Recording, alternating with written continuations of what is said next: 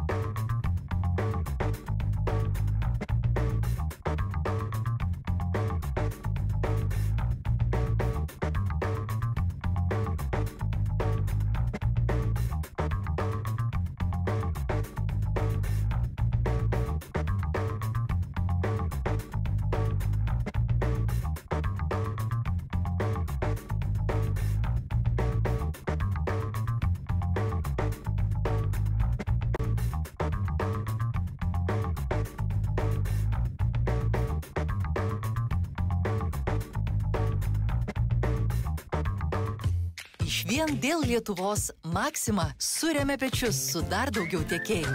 Jau prisijungė net 80 tiekėjų ir kartu sumažinome kainas net 800 lietuviškų produktų. Nuo šiol šių produktų reguliari kaina 15 procentų pigesnė. Maxima iš vien dėl Lietuvos.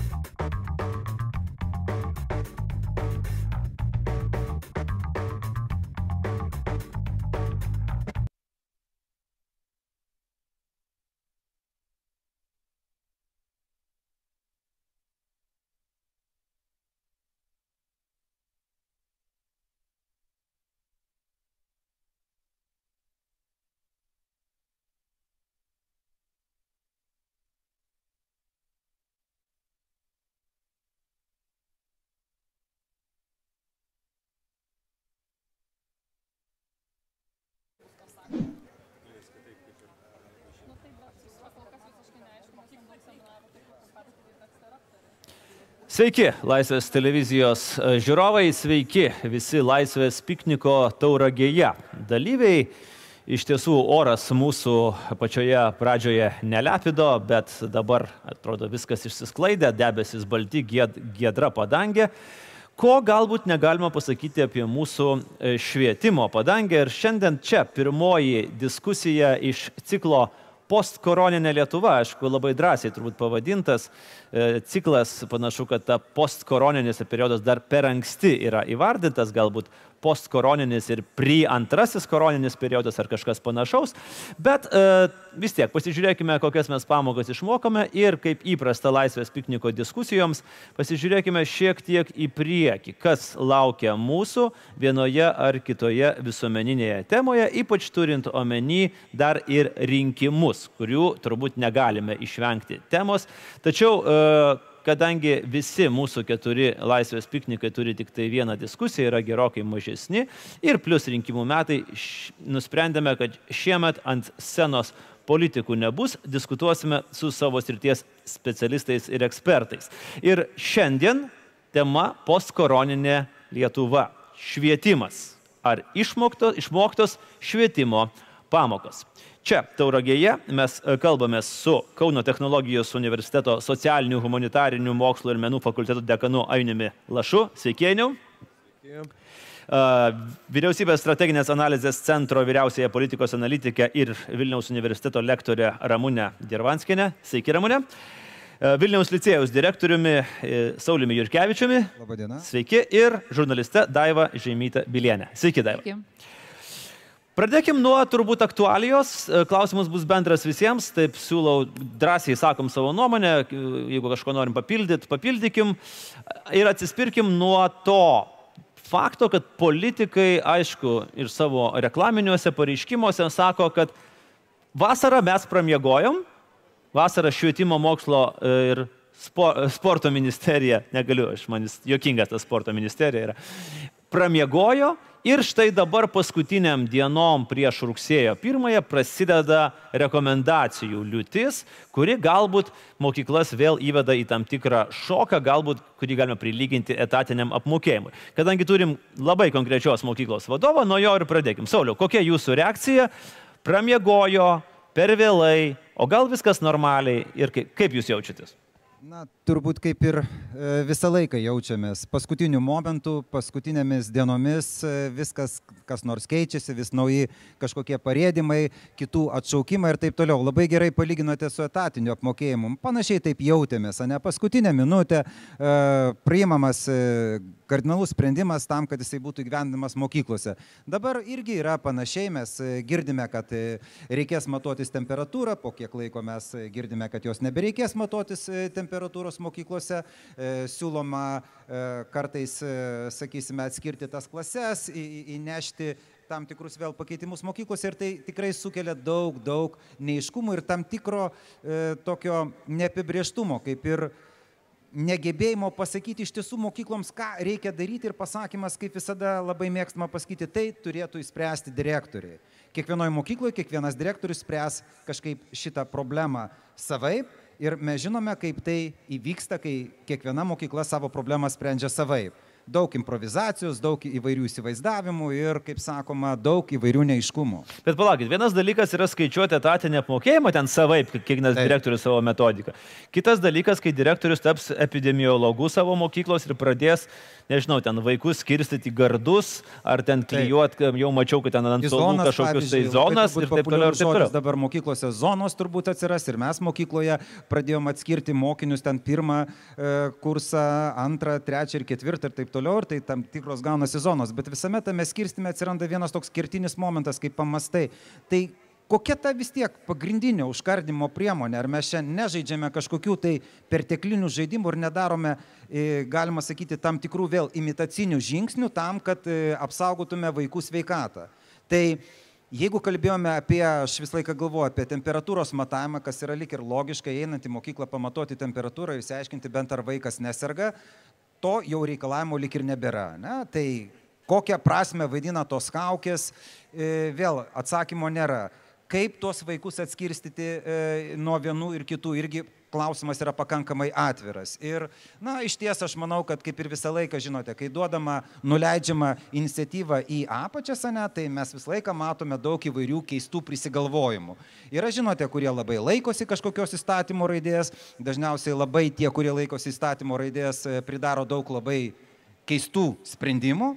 Tie, kurie šiek tiek lengviau žiūri į tai, tuos reikalavimus, šiek tiek bando, na, vadovautis sveikų protų. Tai mes Lietuvos mokyklose matysime nerealių perlenkimų, aš drįščiau sakyti tam tikrų keistų, nesamoningų sprendimų, Nu ir matysime daug, e, kaip sakoma, įvairių keistų atsiliepimų apie tai, kaip daroma yra įvairiose mokyklose. Ir bus pasakyta, štai žiūrėkite, vienoje mokykloje daroma vienaip, kitoje daroma kitaip, na, o kaip iš tiesų reikia daryti, turbūt niekas Taip. iki galo negali atsakyti. Tas e, sprendimas, kuris išėjo, reikėtų pasakyti, eks, e, vyriaus, vyriausybės lygio, ekstremalios e, situacijos opera, valstybės operacijų vadovo, yra toks neapibrieštas, kad, na, e, jį galima interpretuoti labai įvairiai. E, Daiva, po to Ramūnė, turbūt jūsų komentaro paprašysiu. Vėlgi, mes matom, na, mano galva, besikart, pasikartojančią situaciją švietime, kai vėl uh, vadovai, mokytojai, tėvai be abejo tarsi tampa įkaitais. Kaip Jūs galvojate?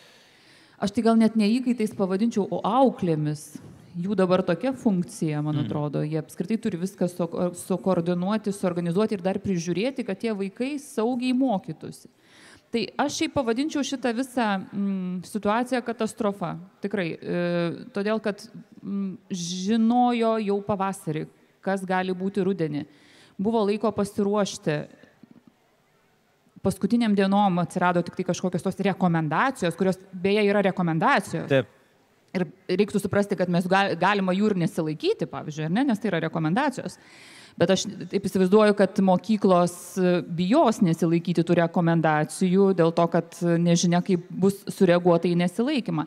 Aš visada mėgstu labai e, pasakoti per gyvus pavyzdžius. Tai tarkim, pastarųjų dienų e, tiesiog stebėdama, kaip, kokios yra reakcijos į tai, e, kaip yra pasiruošta būtent naujiesiams mokslo metams, tai stebėdama tėvelių tiesiog reakcijas, tokių pakankamai jokingų, nu kaip jokingų, juokas prašaras, bet tokių, na, kaip sakyti, atvejų arba reakcijų e, pavyko, mm, e, sakykim, pamatyti. E, tarkim, šiandien nugirdau vieną pokalbį, mama klausė, o tai reikės vaikams su kaukėmis eiti į mokyklą ar nereikės? Kitą savaitę rugsėjo pirmoji, dar nežinau, ar ne? Po to dar kita situacija. Mano draugės du berniukai yra, vienas penktokas, kitas šeštokas. Penktokas mokysis pirmoje pamainoje iki pietų, šeštokas mokysis antroje pamainoje po pietų. Metų e, skirtumas tarp vaikų. Kaip mamai susitvarkyti, sakykime, ar ne? Ta prasme, kada vienas vaikas iš ryto mokykloje, kitas vaikas po pietų, tai jai nedirbti ar ką daryti. Mm. Tai va tokių visokių, va ką gerbiamas Saulis ir minėjo, tokių visokių keistų sprendimų, aš net nebejoju, jų tikrai bus. Ir čia vėlgi buvo nueita tuo keliu, kad skęstančiojo gelbimas yra paties skęstančiojo reikalas. Ir mes jau matėm per karantiną, kaip mokytojai ir mokyklų vadovai vertėsi per galvą tam, kad e, kažkaip tai, na, kuo greičiau įsivažiuotų tas nuotolinis mokymas. Tai aš manau, kad dabar labai panaši situacija bus ir rudenį, tik tai turbūt bus dar blogiau, aš taip įsivaizduoju, nes jau kažkokia tokia patirtis yra nuo to karantino laikotarpio, o, o sakykime, iš, iš valdžios atstovų tų tokių konkrečių sprendimų taip ir nepasiūlyta.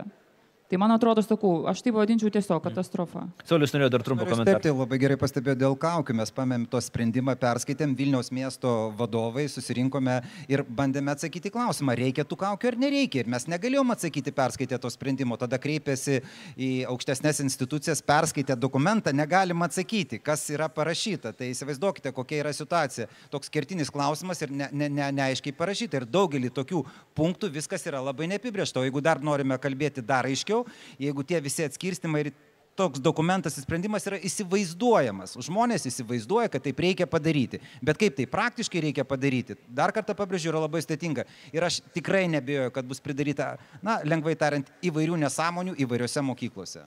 Aš dar vieną dalyką, jeigu galima, Andriu, pridėsiu, kas mano manimu Na, mane tai absoliučiai užmušė šitas sprendimas, kada buvo skirstomi e, paskolinti pinigai europiniai ir e, švietimo sričiai buvo tikrai skirta nemaža dalis tų pinigų, jeigu aš neklystu, ten 97 milijonai turbūt, ar ne, e, ar 94, bet tikrai nemažai. Ir, ir ta, tie visi pinigai nukeliavo statyboms. Taip. Į betoną, taip sakant, mokyklų remontams ir taip toliau, taip toliau. Ne mokytojų skaitmeninės kompetencijos didinimui, ne apskritai, e, nežinau, kompiuterių užpirkimui, o jeigu bus tas nuotolinis mokymas, o jeigu reikės, kas vėl bus? Tai va, aš va šitų dalykų tikrai nesuprantu mm. nuoširdžiai. Apie tai mes dar tikrai pakalbėsime antroje mūsų dalyje, kai mes žvelgsime šiek tiek į priekį. Ramūnė, norėčiau uh, jūsų nuomonės išgirsti, nes vis tiek uh, jūsų ir pareigose yra du tokie kertiniai, rakti, raktiniai žodžiai. Tai strategija, kas paprastai reiškia, kad na, žiūrima į priekį ir kažkam ruošiamasi, ir analitikė. Tai panalizuokim šitą situaciją. Kodėl kaip girdėjom ir tikrai Saulis ne, vienas, e, ne vienos mokyklos mokytojas, fatiškai bet kuriam e, komentare, kur e, komentuoja pedagogai arba mokyklų vadovai, yra išreiškima labai panaši mintis. Na ir galų gale prezidentas Nausėda šiandien taip pat gan griežtai iš, išreiškė nuomonę, tai kur ministras buvo tas tuos kelis mėnesius po to, kai visi nusibraukė prakaitą, pasibaigus tiems tokiems sunkiems nuotoliniams mokslo metams. Kas čia nutiko? Bet prašau, pasakykite teisybę. Tik, mhm. Mikrofoną arčiau šiek tiek. Tikrai nepasakysiu, kas čia nutiko. Iš politinės pusės tikrai komentuoti negaliu. Aš pasiruošiau komentuoti kaip universiteto dėstytoja apie praktikas ir su, kuo, su kokiais iššūkiais susiduria universitetai ir su kokiais iššūkiais susidurs ateityje. Apie tai kalbėsim, bet mes dabar turim tokią kaip ir karštą naujieną. Tai imkim taip kaip švietimo sistemos dalis žmogus. Kaip jūs vertinat? Ar iš tikrųjų buvo pramiegota? Ar Ar tai yra detalės, į kurias jos susigulės, kaip ir prieš kiekvienus mokslo metus yra kažkokios naujovės, visi yra nepatenkinti ir po to viskas susigulė ir uh, spalio pirmą dieną jau niekas neatsimena, kad buvo problemos. Na, situacija tikrai buvo netikėta. Reikėjo per kelias dienas persikelti į online erdvę ir kiekvienas tai darė kaip sugebėjo, per kokias platformas ir tikrai e, savimokos būdu, bet dabar jau pasibaigus pavasario semestrui rezultatai yra gana sėkmingi, tiek dėstytojai gana patenkinti, tiek studentai gana patenkinti ir tų didelių problemų kaip ir nebuvo. Tačiau e, Vis dėlto tarptautiniai ekspertai sako, kad mažai šalis orientuojasi į Kiniją, nes vis dėlto Kinai pirmieji susidūrė su šia problema. Jie jau daug ką turi išsprendę, ką mes dar tik dabar galvojame, kaip tai spręsti. Jie pirmieji pradėjo perkelinėti mokslą į e erdvę, jie pirmieji užsidarė ir tiesiog protingas sprendimas būtų kopijuoti jų pavyzdžius, jų sėkmes. Mhm. Ainiau, jūsų nuomonė, kaip jūs vertinat šitą situaciją? Vėlgi buvot vienas iš tų nuotolinių pamokų iniciatorių, aš turiu menį neformaliųjų nuotolinių pamokų ir po to tarsi, e, kaip ir su jumis teko kalbėti, vasarą tas lyg ir projektas e, truputėlį, na, kaip čia pasakyti, nurimo, nes visiems buvo nebe tas galvoj. O dabar mes vėl turim rudenį ir tam tikrą neiškumą, kad, okei, okay, pradedam naujus metus, mokslo metus klasėse, bet kada reikės įsijungti kompiuterius, niekas negali pasakyti. Blogai vertinu, blogai. Andriu, blogai vertinu. Atsiduso giliai einis. E, iš tikrųjų, žinot, e, tai vad, pavyzdžiui, tas nuotolinis turinys. E, jeigu mes kalbam, tai mes inicijavom projektą Mokykla Plus, vat, ir, ir pats Andrius prisijungė šiek tiek ir padėjo, ir, ir, ir Laisvės televizija padėjo, bet, bet aš kai žiūriu, tai mum pavyzdžiui nuotolinio turinio, ar ne, iš principo tai yra papildoma vertinga priemonė. Kaip tokia, ar bus nuotolinis mokymas, ar nebus, tai papildoma priemonė, įrankis pedagogams, kuriuo galima naudotis. Tai aš manau, strategiškai tai yra svarbu turėti tokį resursą. Mes tarsi tai tą supratimą turėjom nežinau, gegužį, birželį jau jo mažiau, liepą jo iš, jisai dingo, dar buvo kalba prieš tai, jeigu kas nors atsimena apie uh, ekonomikos DNR planą, ne naujos, ar kaip jos tenai, jau nebeatsimenu, jinai taip. Taip, taip, taip. Ateities tai, ekonomikos. Ateities, DNR. ačiū, ateities ekonomikos DNR. Ir jisai dingo jo nebėra. Mes su, su tuo nuotoliniu beje mokymu ir su to projektu tada teikėm tą prašymą tam DNR planui, gavom patvirtinimą iš ministerijos, puiku, jėga. Ir po to mes jo nebesurandam. Nebesurandam nei tų planų, nei kada jie bus įgyvendinti, o savo laiku ten buvo sprendžiama vos ne paskambina ir sako, žinot, rytoj iki 9 ryto prašom pateikti viską, nes dabar jau čia tuoj, tuoj, tuoj o po to nieko. Tai mane va, toks neplanavimas ir tiesiog aš, aš tai vertinu kaip tam tikrą na, tikėjimasi, kad kažkaip prasmuksim, ar ne? Tuo metu, man atrodo, atrodo situacija, kad, žinot, to COVID jau tų atvejų sumažėjo, va mes jau čia tarsi vasarą, kažkaip praeis viskas, nu, pranisiot, kaip rusai sako. Tai vat, aš manau, kad būtent tokių mąstymų buvo daroma ir dabar, kai jau matom, kad vis dėlto problema yra grįžta, kad nepranisiot, tada staiga daromi, daromi kažkokie sprendimai, nepamastyti, nepramastyti ir tada iš karto atsiranda skylės, nesuderinti jie su vadovais, neapkalbėti tie sprendimai, neapgalvoti. Ir tada matom kitas problemas, iš karto lenda problemos ir tuos sprendimus, kurie atlik, turėjo būti atlikti nacionalinėme lygmenyje, dabar jau metama, metami jie direktoriams, metami jie mokykloms. Na, žiūrėkit, spręskit, čia jau dabar jūsų problema. Tai taip, na, taip neturėtų būti daroma, kukliai tariant. Gerai, o kaip yra universiteto reikalai po visų jungimų, sujungimų, po visų dramų, vėlgi po išėjimo į, nuotolinį, į nuotolinės paskaitas ir taip toliau. E, su e, mokyklom, aišku, situacija ne kažką. O kaip yra su universitetais? Pasiruošę ateina į uh, rudenį? Šiaip trump, trumpąją perspektyvą pasiruošę ir suplanuota. Bet ilgąją perspektyvą numatoma kad ateityje mes turėsime socialinių problemų nes jeigu mokyklos užsidarys ir moterys mokslininkės turės namuose sėdėt su vaikais tai jau dabar pastebima kad moterų mokslinės produkcijos kiekis dvigubai krito grantų pritraukimo kiekis dvigubai krito ir kadangi akademikai yra vertinami pagal mokslinę produkciją ir resursai mažėja tik tikimasi kad bus atleidimuose daugiau moterų atleista. Tai mes, vat, Netikėtas kampas.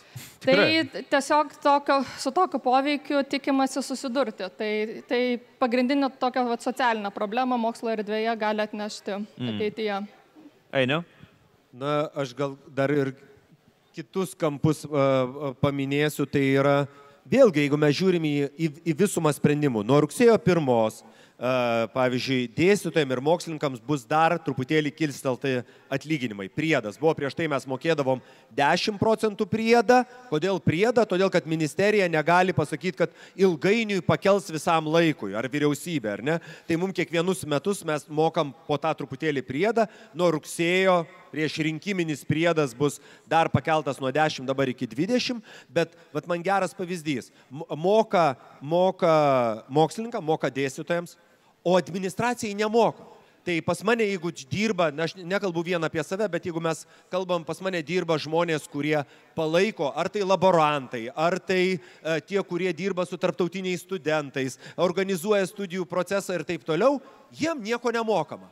Tai vėlgi, va tie sprendimai, kaip ir šituo atveju, taip aš manau ir aukštajam moksle, dažna kartą yra jie tokie viendieniai, jie tokie nepramastyta visa sistema, nepagalvota, nepasitarta, kažkur atsirado pinigų, kažkas idėją kažkokią pramušė, padarė, o sistemiškai nepagalvota. O koks bus to efektas?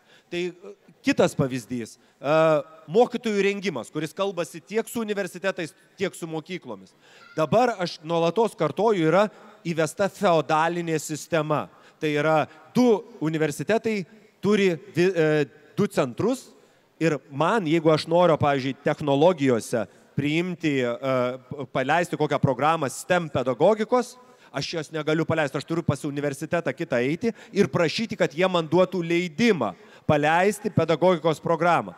Tai į kitą universitetą, tai spėkit iš trijų kartų, ar jis man leis. Aišku, kad neleis, nes tai yra finansai ir, ir vietos ir taip toliau. Na, žodžiu, daug va tokių sprendimų, kurie yra kažkokie nežinau, kuo net pagristi. Kartais konjunktūra, kartais va tokia situacija, kuri tave tiesiog spaudžia ir reikia kažką daryti.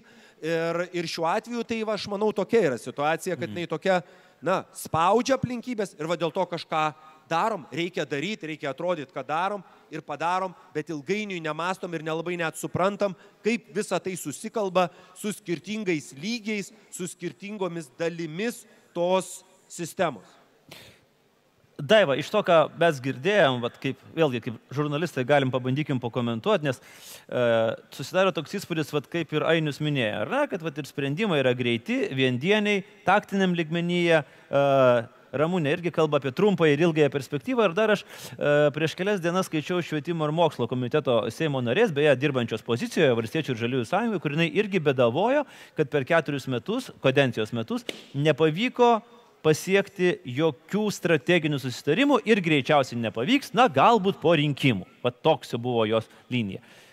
Kur yra Lietuvos švietimo prakeiksmas? Yra uždėtas ar ne? Kodėl visi bandymai kažką strateguoti nu, baigėsi staigiais, greitais trukčiojimais, viendieniais sprendimais, įtakos zonų dalinimais ir panašiai. Dalia Kutraitė labai gerai pasakė vienas iki vaikščiodama aplink Seimą. Sakė, kas prakeikė šitą namą. Tai man atrodo, čia atsakymas. Labai teisingai Ainius sako, kad nėra, nėra ilgalaikių strategijų. Keičiasi valdžia, keičiasi sprendimai. Atrodo, kiekvieni nauji atėję, nežinau, gal iš pradžių turi labai daug ambicijų ir nori parodyti, kad kažką gali, bet po to paaiškėja, kad nelabai ką gali ir nelabai ką padaro, o tik tai nu, po to, kai būna ir tokiu atveju, kad padaro kažką savo į kišenę tik tai. Bet man yra kišiausias dalykas, kad, va, tarkim, jeigu kalbant apie dabartinę situaciją, mes negalim šitoje situacijoje išbraukti rinkimų. Ir žinant tai, kad rudenį rinkimai, tai aš nežinau, aš asmeniškai būdama politikė kelnes per galvą nusimaučiau. Aš turbūt pati važiuočiau į kiekvieną iš tų mokyklų ir kalbėčiausi su kiekvienu direktoriumi, raminčiu ir sakyčiau, kreipkis, jeigu tau reikia pagalbos, padėsim visų kuo. Taigi yra pats palankiausias metas. Aš niekaip nesuprantu, kodėl mūsų politikai taip neišmano visiškai tų, nežinau, viešųjų ryšių ar kaip čia juos pavadinti. Tikrai yra pats geriausias laikas padaryti didelius darbus. Ainis kažką nori. Aš tai sakyčiau, kad jie išmano, nes pastoviai, e, pastoviai kalba, nuolatinis akių muilinimas. Tai va dabar, pavyzdžiui, nesena žinia šios savaitės irgi, ar jau praeitos, kad pas mus dvigubai daugiau stojančiųjų į pedagogiką ir kaip viskas nuostabu. Pradedi krapštyti, žiūrėti, aš, pavyzdžiui, pasižiūrėjau, o STEM srityje kiek yra priimta žmonių - matematika, fizika, chemija, technologijos ir ką dar praleidau, dar kažką vieną praleidau. Fizika. Gal fizika. Va. Tai jų nacionaliniu mastu yra 26 stojančiųjų. 26. Jeigu mes pasimsim fizinį lavinimąsi kaip vieną sritį, ten yra 59. Kodėl mes turėtumėm jiem mokėti po 300 stipendijų į mėnesį, kai fizrukų yra prigaminta labai daug, na, prigaminta, atsiprašau už tokį Parengt. grūbų terminą, be parengta, bet pastoviai yra va toks muilinimas, kažkoks kal kalbėjimas, tai aš manau, tų ryšių yra jie neblogi ir tarp kitko nereiktų važiuoti tas mokyklas. Mes turėjom jau birželio mėnesį turėti sprendimą, kuris būtų pasakęs, žiūrėkit, pandemija tokio intensyvumo, priemonės 1, 2, 3, 4. Pandemija tokio intensyvumo priemonės 1, 2, 3, 4. Pandemija tokio intensyvumo priemonės tokios ir tokios. Viskas. Ir visi žino, pasiuošia nacionalinių lygių, užperka minimumą, kuris žinom, suprantam, kad bet kuriuo atveju kažko tai reikės. Kur tai?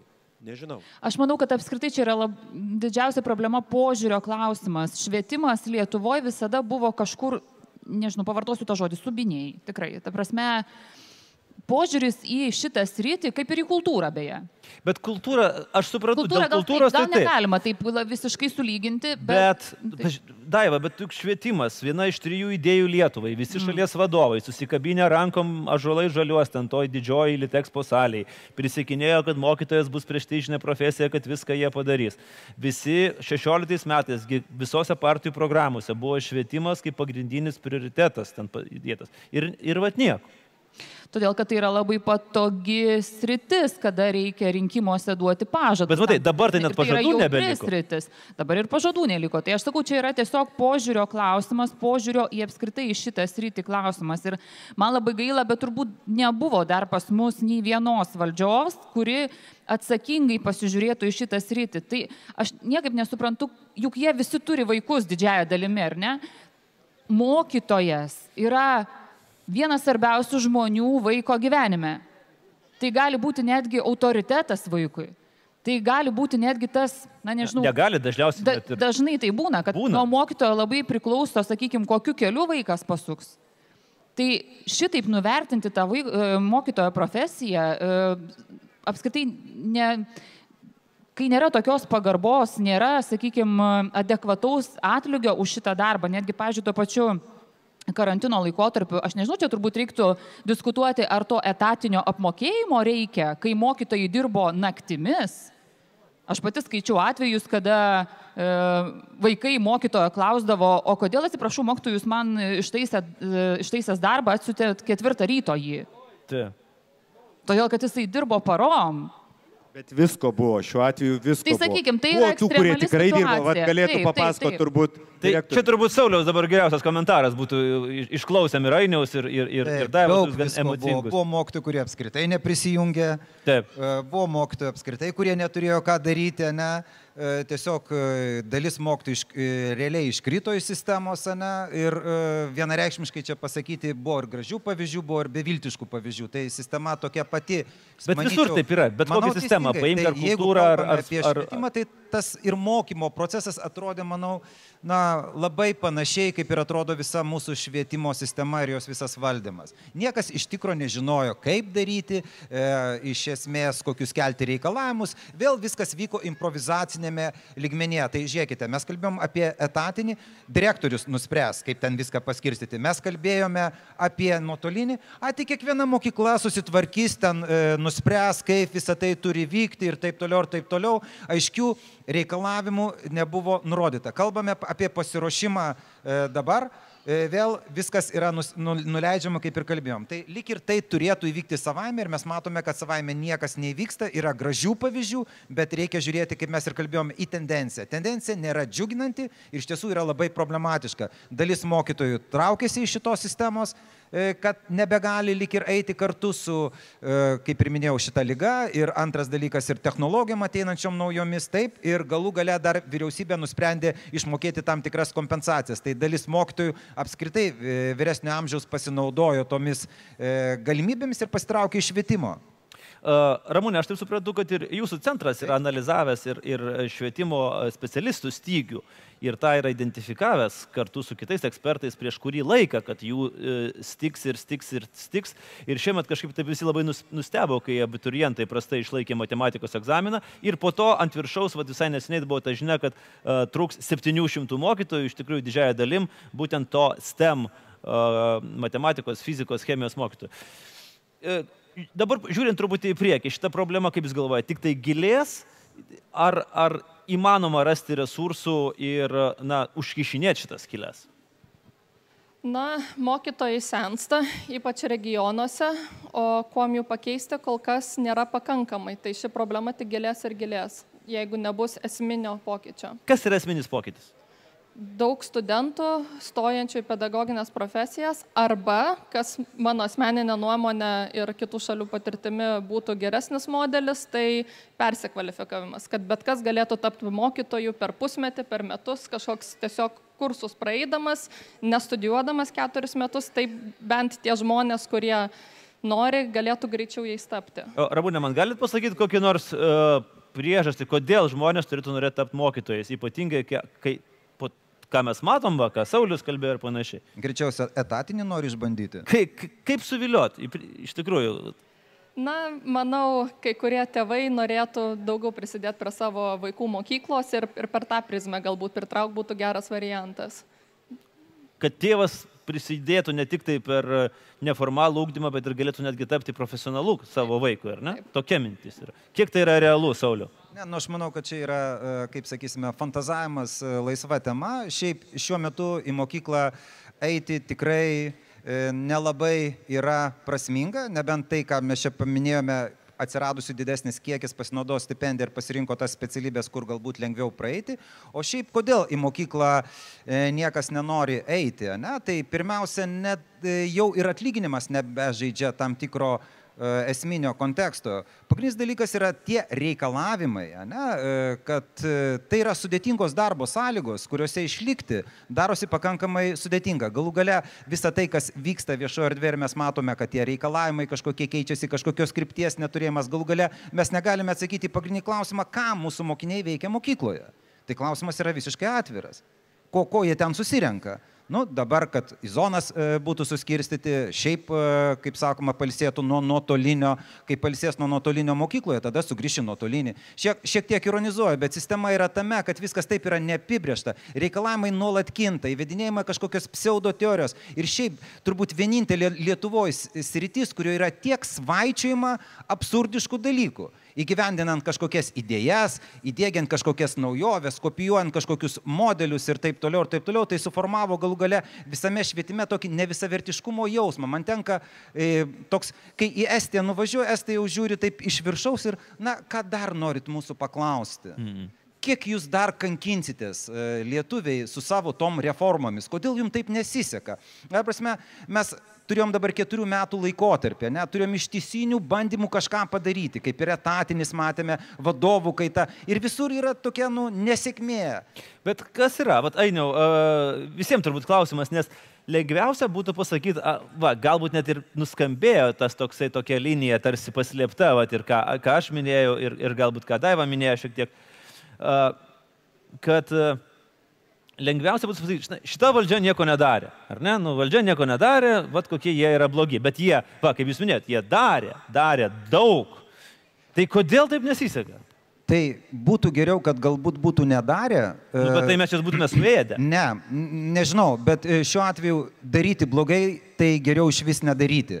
Nes mes dabar gavome e, tiek to darimo, bandymo tiksliau daryti, kad, e, na, iš tiesų padarė didžiulę žalą. Ir aš manau, kad visi tie probleminiai e, kontekstai, kurie yra ypatingai jaučiami turbūt mokytojų psichologinės savijautos mokyklos kontekste, yra tų reformų rezultatas. Direktoriai šiek tiek galbūt atsainiau pradėjo žiūrėti visą situaciją dėl savo nestabilumo, mokytojai buvo tiesiog išnervinti ir matėm, į ką tai atvedė ir tai nesibaigė, tarp kitko. Ta sistema įgyvendintina ir toliau sėja tas tokias keistas sėklas mokykloje. Tai savaime suprantama.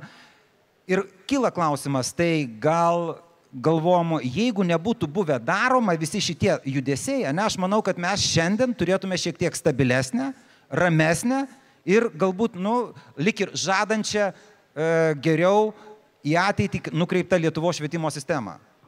Ainiau, ką Jūs galvojat? Reikėjo daryti ar nedaryti? Nes dabar čia tikrai atrodo, kad Gal ir gerai, kad politikai labai daug nežada. Gal reikia tiesiog tą švietimo sistemą palikti ramybei. Na, nežinau, man atrodo, kad yra, yra daug darimo, bet tie visi darimai, kaip aš jau ir minėjau, jie yra neišbaigti. Bet ką mes paimsim, bet kokie sprendimai dažnai kažkur nuleidžiami iki tokio konjunktūrinio lygio, iškraipomi, pirmi, pirminė idėja iškraipoma ir po to gaunasi, kaip gaunasi, kaip visada. Tai e, jūs, Andriu, e, pats klausai, kodėl tas švietimas toks nesvarbus. Pasižiūrėkim, kaip partijos renkasi koalicijoje ministerijas pagal svarbą. Švietimo ministerija kartu su užsienio reikalų ministerija yra apačioje ten lėšų kultūros yra pati. Kultūros, kultūros tikrai apačioje yra. O kur pasi? Susisiekimo, finansų, kur yra pinigai. Pinigai. No. Taip. Ir, ir, ir tada mes turime, na, kartais uh, tokių atvejų, kai švietimo ministrė ačiū nemoka uh, padoriai parašyti uh, ar, ar, ar tiesiog šiaip uh, problematiška. Tai iš tos pusės žiūrint, man atrodo, nors daug deklaruojama, rimtai tai nežiūrima. Iš tiesų nėra, na, tokio supratimo, kad mūsų visa šalies ateitis iš esmės stovi ant švietimo. Mūsų demografija nėra labai gera, tai, tai dar yra svarbiau, vadinasi, kurti pridėtinės vertės. Bet žiūrėk, Aidė, bet čia ateina švietimas. Tai bet, bet ir, ir, ir žmonės visi tą kartoja, visose partijų programuose yra įtrauktas šitas punktas. Ir jie sako, va, ir einam ir darom. O po to daro ir va, a, a, tokie direktoriai kaip Saulis Jurkevičius sako, nu geriau būtumėt nedarę, žinai.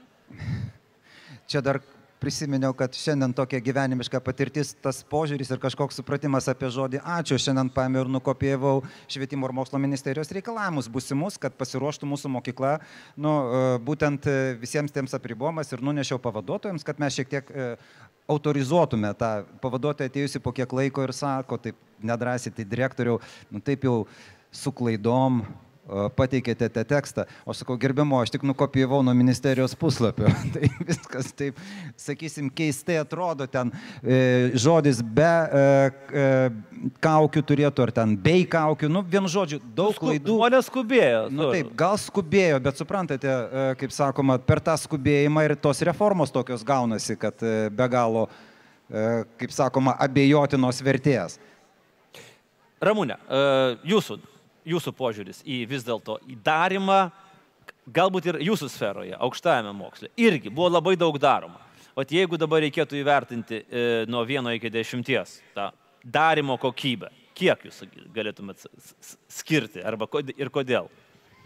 Skaičiaus tikrai nepateiksiu, bet e, ta pirminė idėja apjungti universitetus, jinai yra tikrai reikalinga. Tikrai reikia konsoliduoti resursus, nes vis dėlto konkurencija turi vykti tarp universitetų ne šalies mastu, o globaliu mastu.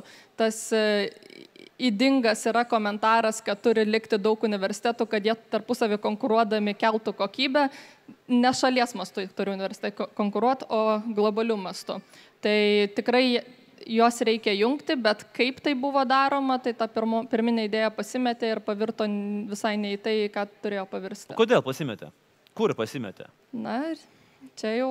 Bet ar kas darė geriau galėtų komentuoti? Politiniai, politiniam lygmenyje. Politiniam. Tai aš manau, kad politinėme lygmenyje dažną kartą tada iš karto ateina įvairūs politiniai interesai, instituciniai interesai.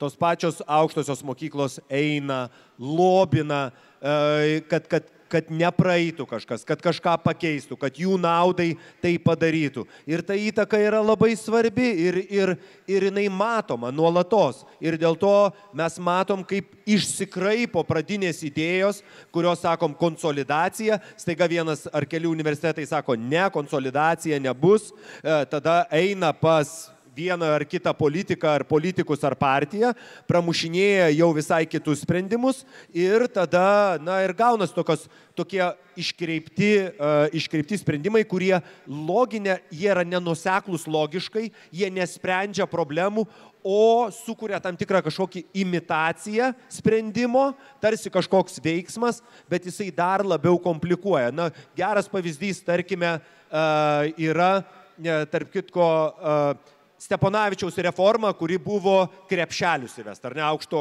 aukštojo mokslo. Labai paprastas pavyzdys.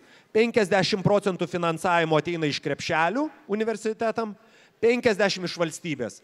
Pradžioje idėja buvo, kad bus krepšeliai ir tu arba išgyvensi, arba numirsi, ar ne? Na, toks liberalus principas, skausmingas, uh, džiunglės, tokios e, laisvos rinkos ir tu išgyveni arba neišgyveni. Bet kažkas užlobino, gavo, padalino per pusę, 50 procentų duos valstybė. Kas gaunasi rezultate? A, tau 50 procentų finansuoja už tavo administracijos dydį, ten už personalo skaičių, tai tu pas tave krepšeliai traukiasi, traukiasi, traukiasi, traukiasi, bet tu tą 50 procentų vis turi, turi, turi, turi.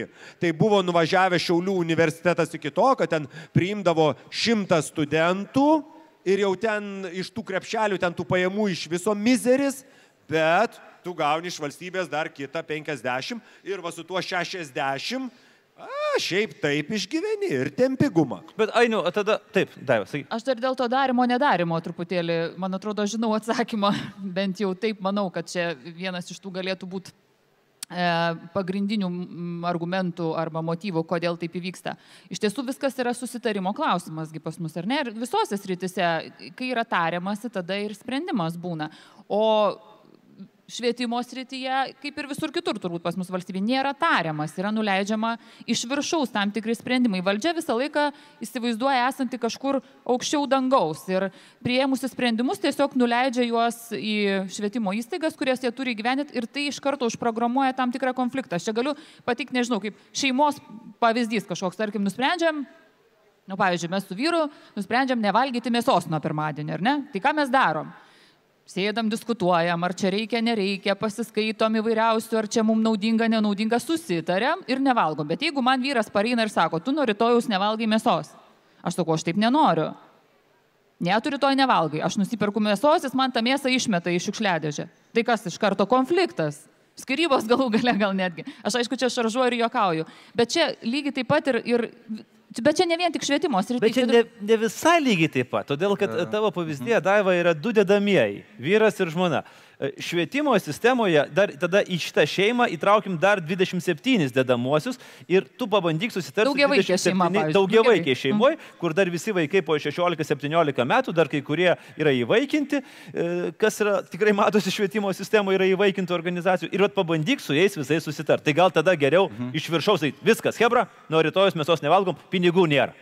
Aš norėčiau pasakyti dėl pasitarimo, kaip tariamasi. Ne? Tai čia yra, būtų gerai, kad tartusi ir tarp kitko labai tarėsi, bet tarėsi imitaciniu būdu. Susirenka, pavyzdžiui, ten ar kokius mokyklos vadovus, arba kažkokias organizacijas, kurios, na, kažkaip tai natūraliai visą laiką pritarė. Ir tie, kurie nepritarė, tu kažkodėl tai nėra. Jie yra eliminuojami. Ir pastaruoju metu tai buvo labai akivaizdžiai padaryta. Imitaciniai pasitarimai vyko didžiuliai, jie tarp kitko visą laiką vyksta, jie yra visą laiką deklaruojami, kad yra yra e, pasitarimai, tačiau tie pasitarimai kažkaip tai įgauna tik tai vieną raiškos būdą. Tai toks turbūt reikėtų, e, sakysim, imitacinio pasitarimo kultūra buvo išvystyta, nu, iš tiesų labai daug ir kažkaip tai labai keista, kad patekęs ar ten visą laiką į radiją su valdžios atstovais, visą kitą, prie jų yra visą laiką tie žmonės, kurie visą laiką kažkodėl tai labai taip nuoširdžiai ir besąlygiškai pritarė. O be to švietime norėčiau dar pasakyti e, tam tikrą niuansą, kad, e, na, lik ir pokalbė su vadovais, ne, va taip, e, ne, ne viešai, lik ir jie taip oponuoja, bet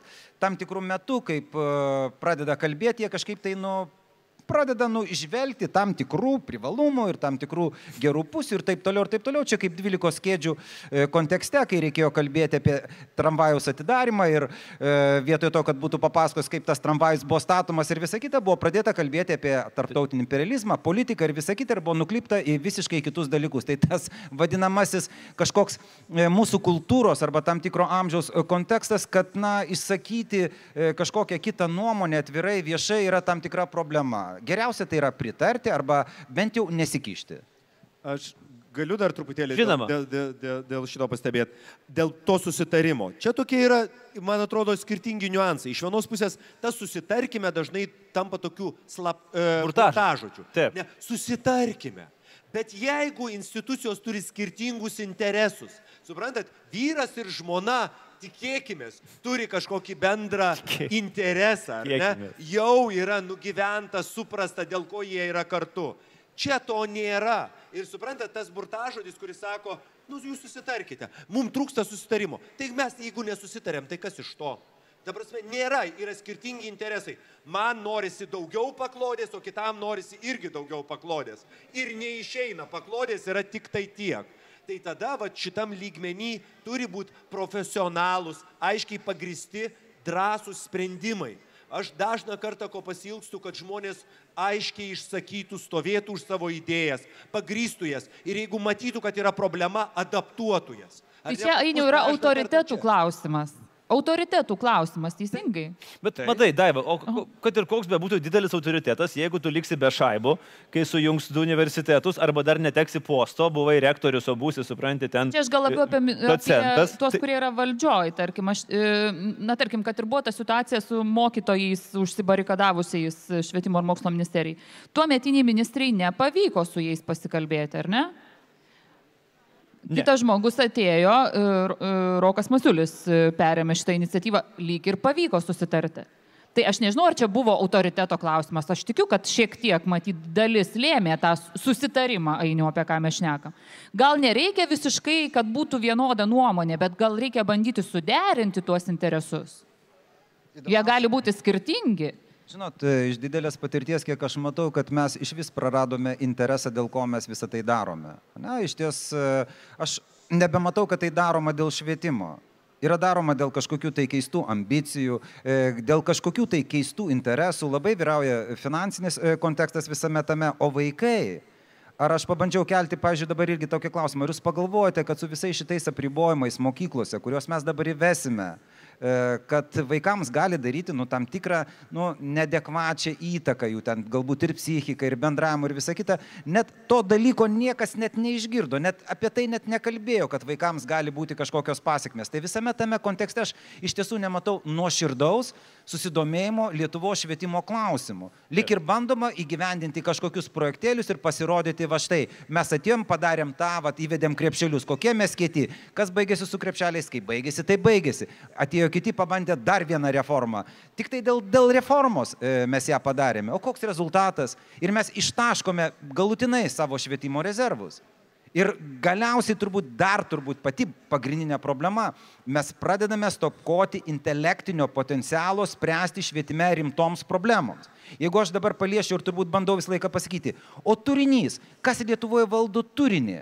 Tai yra esminis dalykas. Ir pasirodo, kad to turinio Lietuvoje niekas normaliai nevaldo. Jeigu kalbėti apie matematikos rezultatus arba tą rez kontekstą, kas buvo kalbama, niekas fundamentaliai neapmastė, kur ten yra problema, kas yra su turiniu, kas darosi su Lietuvos vaikais, kaip mes kalbėjome, realiai ten buvo ne 30 procentų, o realiai apie 70 procentų ir noriu iš karto pasakyti, tai 70 procentų tai nėra problema, greičiausiai vaikai, tai yra vaikai kaip vaikai greičiausiai kažkur yra kitos problemos. Tai aš tiesiog noriu išryškinti, kad iš ties prarandame tą suvokimą, Taip. kontekstą ir žmonių nebeturime, kurie gebėtų iš vis adekvačiai reaguoti į esamą situaciją. Vėl nuskambėjo uh, Saulio jūsų žodžiuose tam tikra irgi aluzija į tas, pa, tas pačias 12 kėdžių, kur irgi Ostapas šaukė, o vaikai, kas pasirūpins vaikais? Mes, mes sukursim kartu ir žagrės draugė. Uh, mes, mūsų laikas eina į pabaigą, aš turiu vieną paskutinį klausimą visiems, kuris turbūt galėtų vyk, būti taip gražiai sujungtas į tokį trumpą video ir pateiktas pagrindinėms partijoms. Kiekvienas pasakykime, ko mes norim, ko mes norim iš partijų šitam rinkiminiam periode. Aš kalbu labai trumpam periode, tai yra iki sausio, uh, sausio spalio 11 dienos kol jie norom, nenorom turės įsiklausyti, kas jiems yra kalbama, kol jie turės atsakinėti į tokių uh, nefainų žurnalistų kaip Daiva, aš ar kiti mūsų kolegos klausimus ir šipsotis, nes jie turi eterį ir jie turi kažką sakyti labai gudru. Ko mes norim iš šitų žmonių, kurie labai nori ateiti mus valdyti? Ramūnė, nuo jūsų pradėkime. Ko mes norim? Ko, ko jūs kaip, kaip pilietis, kaip, kaip kaip švietimo sistemos dalis. Ko jūs norite iš jų per šitos du mėnesius? Ką jūs norite iš jų išgirsti arba jiems pasakyti? Na, norėtųsi daugiau, bendra... norėtųsi daugiau bendradarbiavimo su savo sričių mokslininkais. Tarkime, siūlant naujas idėjas socialiniais klausimais, yra daug žmonių, kurie tyria tos socialinius klausimus ir tikrai yra gerai išnagrinėję ir vietos aspektą ir žino priežastis, kodėl paimtas kitos šalies modelis negali būti pritaikomas mūsų šalyje arba naujoji idėja fix galbūt neveiks, o galbūt reikia kažko kito. Tai norėtųsi daugiau to bendradarbiavimo. Kitaip tariant, paimkite, ponai politikai, savo politinės programas ir prasukit jas pro Taip. mokslininkus, kurie pasakytų, kad, žinot, čia jūs nesąmonės rašot, o čia yra realus dalykas, kurį galima vystyti. Taip. Ainiu, ko, ką pats? Man kaip visada labiausiai stringa ne kažkokia viena idėja ar kas nors, aš norėčiau matyti grandinę sprendimų. Tai yra ne vieną sprendimą, ne vieną idėją, bet sąsaja, sprendimų grandinė, kuris sprendžia kompleksiškai problemas. Čia yra man, man skaudžiausia dalis. Jeigu mes kalbėjom apie tos regionuose mokytojai, ar ne? Taip. Tai siejasi su etatais. Kiek tų etatų jie turi, koks yra pasiruošimas, kokia yra motivacija tada mokėjimo, apmokėjimo sistema. Ir va kaip imam šituos visus elementus ir dedam į visumą, į grandinę ir sprendžiam čia, čia, čia, čia, tada mes turim visuminį sprendimą. Tai man norėtųsi matyti daugiau tų tokių visuminių sprendimų, kurie realiai gali, na, sukelti tam tikrą virsmą švietimo sistemoje, nes kitaip jo tikrai nebus. Kitaip tariant, jūs norit matyti tokią tam tikrą švietimo sprendimų DNR grandinę sukibusią, ar ne? Kas, kas seka po ko pagal tokią klasikinę kompiuterinę komandą What if, ar ne? Kas bus nuo to, jeigu mes padarysim tą?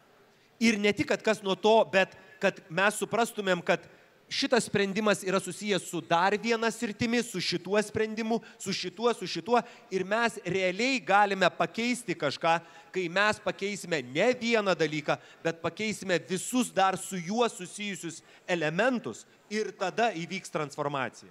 Gerai, Sauliau. Labai gerai. Puikių grandinė, bet aš vis tik norėčiau, kad pasakytų tai, prikelti vegetuojantį organizmą yra pakankamai sudėtinga. Ir e, kai mes bandome kelti jį dalimis, jisai visiškai nebesikelia. Ir e, yra tokia idėja, gal bent jau vieną aspektą, kaip akupunktūrinį durį, ar įmanoma įbesti visą šitą sistemą, kad ta sistema šiek tiek pradėtų judėti. Aš manau, kad dabartinė yra e, situacija tokia, kad reikia akivaizdžiai apčiuopti bent vieną sritį, kurioje mes tikrai kažką galime padaryti, tikrai galime padaryti, pasiekti rezultatą ir kad jinai duotų tą tokį, sakysime, judesi dinaminį judesi visai sistemai ir paskui galvoti, kaip sakoma, Gerai, apie grandinę. Kokia tas rytis, kas tai galėtų būti? O aš nenorėčiau jos, e, kaip sakoma. O vad kodėl?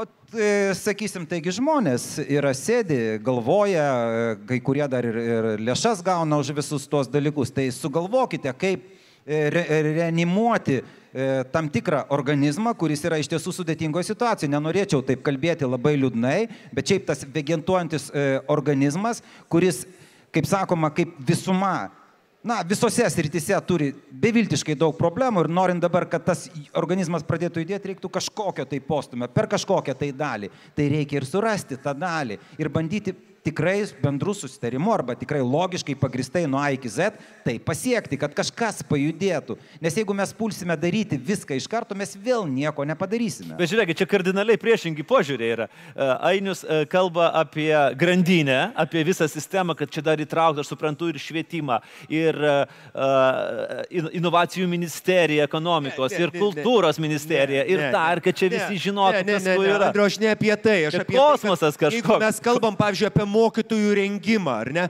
Mes turim kalbėti apie universitetus, mes turim kalbėti apie savivaldybės lygmenyje Nu, tai esančias rengimo institucijas ir taip toliau. Mes turim su, sužiūrėti visą grandinę, kuri yra susijusi su mokytojų rengimu ir jeigu mes ją sužiūrim ir sutvarkom, tada įvyksta tam tikras virsmas. Jeigu mes tik tai vieną dalelę pajudinam, jinai nepakeičia pačios sistemos ir dėl to turi būti sisteminis sprendimas. Bet matai, nes mes Saulius- Saulius... esam toje situacijoje, kur tik taip vienas spyris nieko nepadarys. Bet matai, aš suprantu, kad Saulis nori bakstelti tą vieną vietą, kad suvoktų, ar apskritai dar gyvas tas organizmas, gal jis jau guli. Norėčiau pasakyti, kad pramoninkų konfederacija vieną kartą ir klausė manęs. Mes sako, suprantame, kad situacija yra, nu, visiškai beveik leisgyvė. Tai sako, ar tu gali mums pasakyti, nu, kur dar galima durti šitą organizmą, kad jisai kažkiek pradėtų, nu, kaip sakyti, rodyti tam tikrus gyvybės požymius ir teiktų tam tikrų vilčių. Tai aš turbūt laikydamasis tos minties ir akivaizdžiai suprasdamas ir tikrai pritardamas tai minčiai, kad čia pulti dabar į vieną sritį, pulti į kitą, nes Neįsivaizduoju, čia mes galime galutinai, dabar turbūt greičiausiai reikėtų bent e, kažko nebedaryti arba keisti iš karto kažką, tai kas yra labai blogai ir bandyti per kažkokį aspektą nu, pajudinti tą sistemą teisinga, pozityvę linkme, aš taip žiūriu. Na, pramonininkų konfederacija gal galėtų apskritai ma- ma- mažiau kalbėti, ką reikia, kalbėt, ką reikia daryti su švietimu, o patys kažką irgi padaryti, nes jie jungia milžiniškus pinigus ir milžin- milžinišką kapitalą. Daiva, finišuojam. Ką sakom politikams? Aš tai vis tiek norisi man kažkaip apie tos moralinius dalykus daugiau šitoj situacijai kalbėti. Tai mano manimu reiktų tokio pagarbaus požiūrio. Pirmiausia, į šią sritį ir į šios srities tuos, na nežinau, kaip čia pavadinti tiksliau, sraiktelius. Tai yra mokiniai ir mokytojai, į bendruomenę šios srities. Jeigu mes kalbėtume apie mokyklas, tai aišku, čia turbūt ir apie universitetus reikėtų kalbėti studentai, dėstytojai. Tai vat, to, to pagarbaus požiūrio ir, na, sakykime gerai, nevartokim žodžio susitarimas, tebūnie tarimasis. Vis tiek aš manau, kad e, valstybė nėra valdžia. Valstybė esame mes visi. Ir visuomenė turi dalyvauti procesuose. Kai valdžia nesitarė su visuomenė, tada būna labai negerai iš tiesų. Ir valdžiai, ir visuomeniai. Tai tartis visgi reikia. Ir dar vienas dalykas, kas mano manimu, ko labai reikia, ypatingai švietimo sistemoje, tai yra investicijos į žmogų. Nei betoną, nei nerenovuojamas mokyklas. Aš galiu pavyzdį trumpai papasakoti. Mano kaimo mokykla, kuri visiškai nesenai atšventė šimtą metų, ji buvo renovuota už europinius pinigus. Kaip aš sakau, ne įsisavino, o pasisavino turbūt. E, paskutinius du metus tam, kad nereiktų gražinti lėšų prieš uždarimą, ji buvo padaryta skyriumi kitos mokyklos ir galų galę ją uždarė. Gražus renovuotas pastatas, uždarytas. Pati važiavau gelbėt knygų, beje, iš tos mokyklos. prisimenu ir, tą ir, ta- istoriją. ir tas knygas norėjo išvežti sudeginti. Žodžiu, tai va. Dabar to, vietoj tos mokyklos yra kaimo turizmo sodyba. Tai štai, tai va tos investicijos į betoną, kuo jos pasibaiga gal, galų gale. Tai aš manau, kad visgi į žmogų reikia investuoti. Švietime ypatingai, ypatingai noriu pabrėžti, ypatingai. Bet Daiva, jūsų, visų, jūsų pasiūlymas iš visų keturių yra lengviausiai įgyvendinamas partijos programuose.